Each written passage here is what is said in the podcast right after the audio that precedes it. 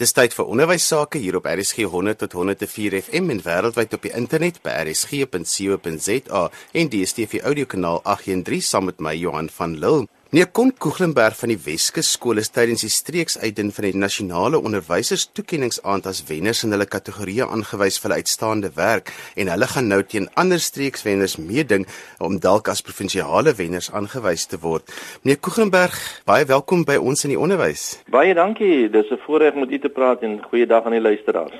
Vertel 'n bietjie vir ons van wat doen die Weskus skool? Ja, die Weskus skool is 'n vaardigheidsskool wat gelees in Saldanha. Al ons leerders kom uit die hele Weskus streek uit vanaf Vredendal tot en met Saldanha. En om vir u dalk net 'n oorsig te gee, volgende jaar neem ons 140 leerders vir die eerste jaar in en hulle kom vanaf 41 verskillende skole in die hele Weskus streek en hulle word opgelei vir 'n beroep 'n naskoolse beroep in 'n tegniese afdeling om dan so hulle plekjie in die lewe vol te staan. Nou julle het baie interessante vakke wat julle daar aanbied. Vertel bietjie vir ons daarvan. By die seuns het ons 6 werkswinkels waar die seuns opgelei word, naamlik motorwerktuigkundige, duik en spuit, klopwerk, plaatmetaalwerk, swyswerk en houtwerk en die dogters word opgelei in gasvryheidsstudies, vroeë kindontwikkeling, kuns en handwerk en dan winkel en kantoorpraktyk.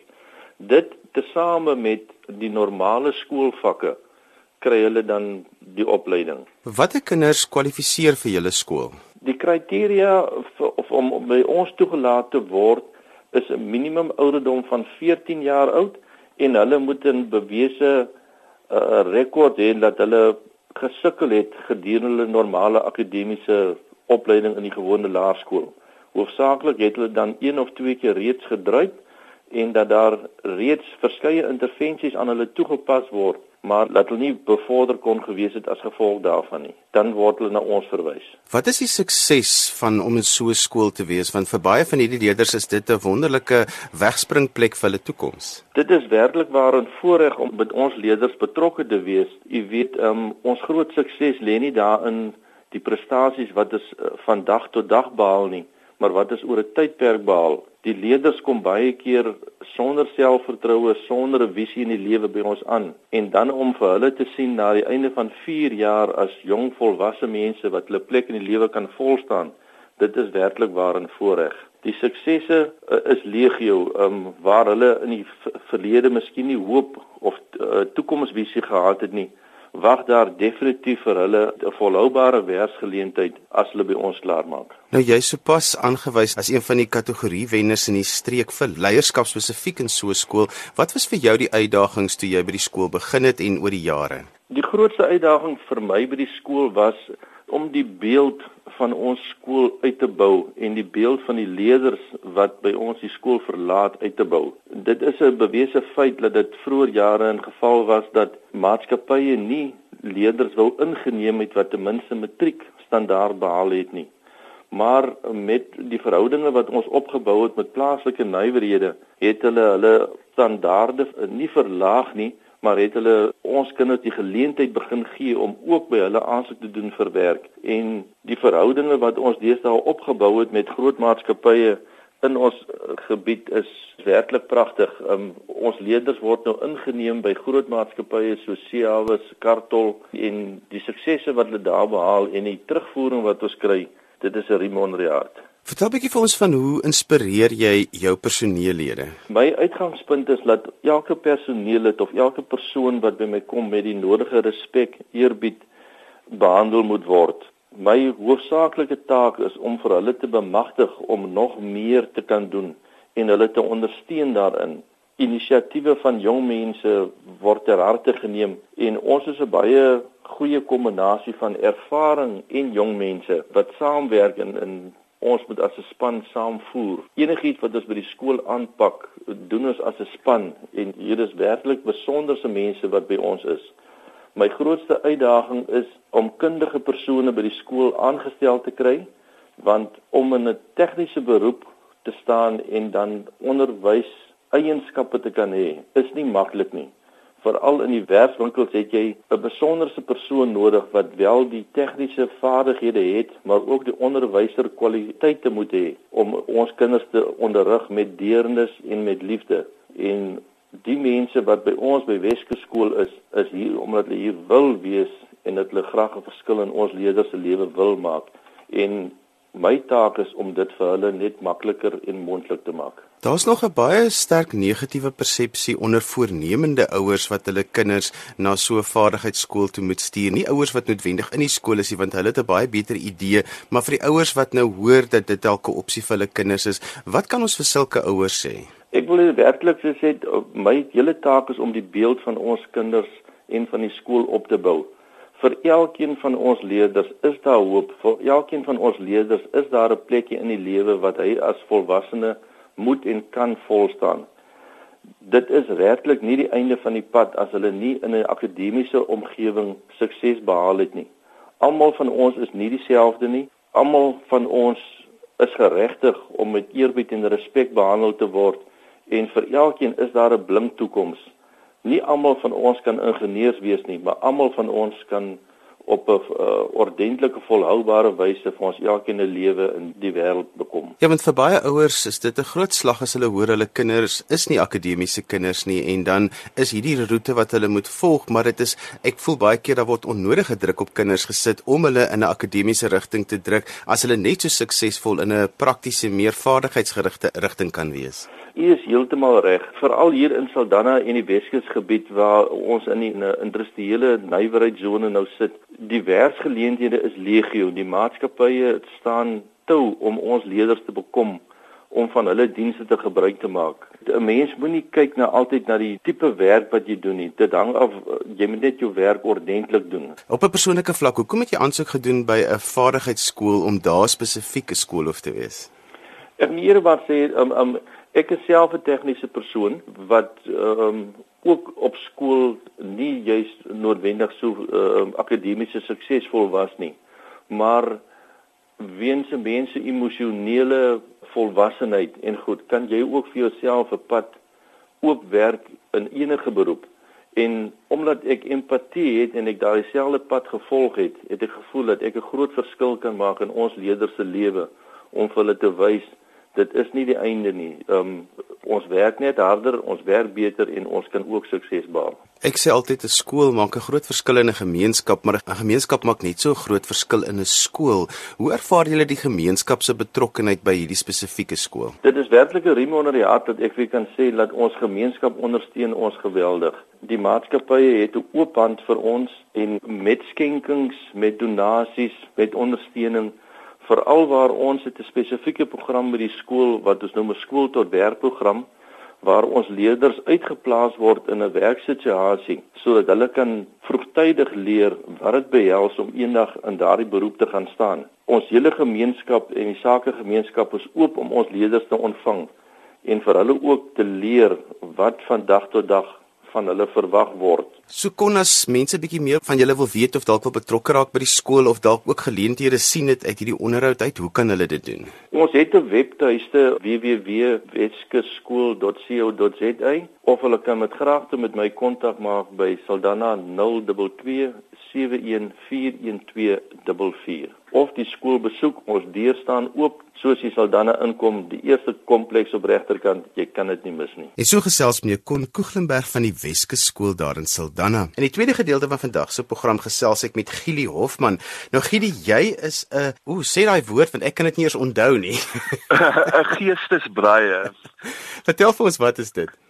'n Geestesbreier is die mooi Afrikaanse woord vir 'n mental coach. So dis iemand wat werk met sportmense of leiers of entrepreneurs of kunstenaars wat en wat hulle help om optimaal te funksioneer te presteer, te doen wat hulle wil, hulle help om te doen wat hulle wil doen en om gesond te bly terwyl hulle daarmee besig is. Nou jy skryf gereeld in die dagblaaie en in een van die dagblaaie het ek 'n baie interessante uh, rubriek van jou raak gelees waar jy begin deur te sê toe jy 'n onderwyser was, het jy besluit as 'n leerling aangestap kom, gaan jy liewer na hulle oë kyk, hulle groet en belangstel in hulle doen en late as om iets met hulle voorkomsfoute vind. Vertel bietjie vir ons wat het jy als gesê? Ja, so ek het 'n gewone tradisionele model seun skoolopvoeding gehad en jy het groot geword met ongelooflike baie reëls waaraan jy moes voldoen.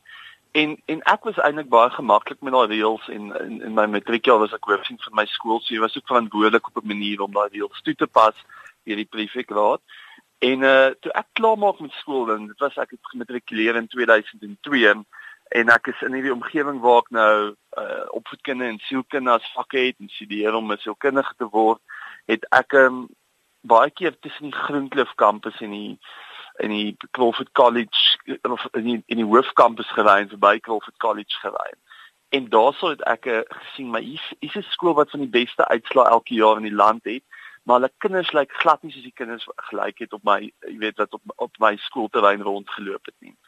En en toe ek begin in die onderwys, ek was net vir 2 jaar 'n onderwyser en ek kry die eerste keer die skooldagboek met al die, die skoolreëls in en die helfte van die skooldagboek gaan net eintlik oor voorkoms het ek besef ek gaan nie al daai al daai reëls kan onthou nie.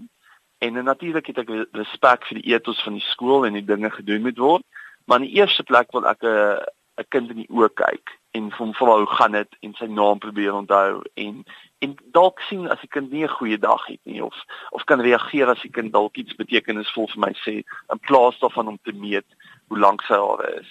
Gili, die realiteit is dat kinders van vandag is anders as toe ons kinders was, maar dit is ook maar iets wat oor die eeue aankom. Die kinders van vandag is altyd anders. Daar's so baie goed die laaste ruk in die nuus gewees. Dinge waaroor ons moet dink rondom die kinders van vandag. Wil jy nie vir ons 'n paar van jou idees daaroor deel nie?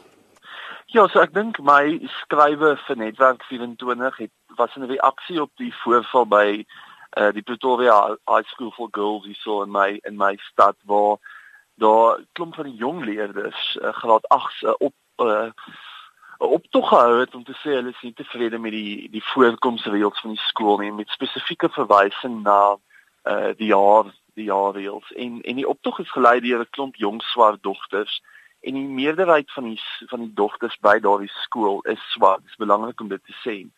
En en as mens kyk na die skool se reëls, is dit eintlik baie argaïs. Dit is baie dit is aangepas oor die tyd maar die vertrekplek is eintlik 'n uh, uh, van 'n wêreld wat nie eintlik bestaan nie en is nooit aangepas om kultuursensitief te wees volg vir die behoeftes van die meerderheid van daai leerders nie. En in my my gedagtes daarom was jy weet baie baie mense het uitgekom gesê weet as jy inskryf by 'n skool weet jy wat die reëls is van die skool en jy moet gehoor gee aan daardie reëls en daar's natuurlik meriete in daardie argument. Maar ek het gevoel die dogters is nie besig om doelbewus skoolreëls te oortree nie. Hulle pleit eintlik vir die herëvaluasie in geheel van die skoolreëls en en my gevoel daar is, is om te sê weet kom ons kom ons vat die die halwe helfte van die dagboek uit en ons gaan skryf eintlik die reëls neer wat ons dink relevant is in vandag se tye. Soos jy sê die ons werk in 'n samelewing wat altyd verander en en 'n kultuur is altyd dinamies en en mense moet bly aanpas daarbey. En in plaas daarvan om om onderwysers en selfs leerders te belaai met die werk van polisieman wees met al hierdie argaïese idees kom ons dink bietjie nuut en sê wat is regtig relevant en ons en ons het nog steeds reëls en ons dink dalk liewers meer na oor hoe kan ons 'n dinamiese skoolomgewing skep waar waar daar 'n leerkultuur gevestig is en daar nog steeds dissipline is sonder om vrees in te boesem met al hierdie reëls onder andere dan oor voorkoms. Jy werk in die sportwêreld waar 'n mens moet reëls volg. Daar's geen uitkoms daar nie as jy nie die reëls volg nie, word jy uitgeskop. So, hoe maak jy dit van toepassing juis vir kinders wat so anders dink deesdae? Ja, ek dink ek ek werk baie in die sportomgewing, maar deur dit werk ek baie ook met studente strukture by skole en by universiteite selfs. En ek het agtergekom dat dit is die generasie en almal weet dit, maar dit is die generasie wat gehoor wil word en gesien wil word. Hulle vereis 'n plek aan die tafel. Hulle gaan nie net doodstil sit en luister en ja en amen sê nie. En dis 'n gegewe wat ons nie gaan kan verander nie. Dit is dis dis hoe die die jeug vooruit beweeg het. En ek dink ons het einde verlede jaar in Suid-Afrika gesien met die fees mas vol veld tog hoe hoe hoe hoe dinge kan verkeerd loop op die ou einde want die die veld tog gaan nog voort maar daar nou die veld tog het nou ook al baie kleintjies gekry deur die afgelope jaar. Maar hoe kan dinge verkeerd loop as ons nie gehoor gee aan die jeug se behoeftes nie? En wat kan ons doen om hulle om die tafel te kry en om te luister en te luister met die idee om regtig dit in ag te neem wat hulle sê in plaas daarvan dat hulle gefrustreerd raak en sê hulle luister nie vir ons nie nou gaan ons oorgaan na tot 'n meer aggressiewe stap en dis optogte. So hoe ek dit relevant maak is regtig om om met respek om te gaan met jong mense en hulle te sien as my ewe knie en en te sien ek kan ook leer by hulle en nie my rol net te sien as iemand wat hulle moet help en wat alles weet en hulle moet leer nie, maar dit, dit as 'n verhouding te sien op gelyke voet waar daar respek is. En die interessante ironie is, jy weet, sodra ek daardie verhouding vestig met 'n jong leier of met 'n jong sportman waar hy voel Gili luister vir my, Gili gee om vir my, Gili neem my in die in die realiteit en ag, dan kan ek eers eintlik invloed op hom hê. En op die ouend wil ek invloed op hom hê want ek is daar om uh, 'n spesifieke funksie te vervul. Maar as jy nie daardie verhouding vestig op daardie waardes waarvan ek nou gepraat het, gaan jy nie kan invloed uitoefen op hom nie. Professor Elde de Waal het verlede week juis op ons programme baie interessante opmerking gemaak waar sy gesê het van dit plaas die fokus weer op leierskap in skole en die rol wat iets soos byvoorbeeld die Verenigde Leerlingraad in skole jy speel. Ja, ek ek dink ek het, ek pleit al lank al as iemand wat self 'n hoofleier was in die laaste 13 jaar by die ATKV se jeugleiers simposiums en jeugberade betrokke is as 'n spreker en 'n fasiliteerder ehm um, dat ons ons nie ons beste kinders by 'n skool of die die leiers wat verkies is gebruik om polisieman werk te doen. Dis die kinders wat ongelooflik besig is. Ehm um, en en nou en dan dan vra ek hulle waarmee is hulle is hulle besig en dan drie kwart van hulle werk het niks met leierskap uit te waai nie, dit het meer uit te waai met ehm um, om om om stoepe te patrolleer en te kyk wie rook skelm en om kinders uit te vang wat besig is om goed verkeerd te doen.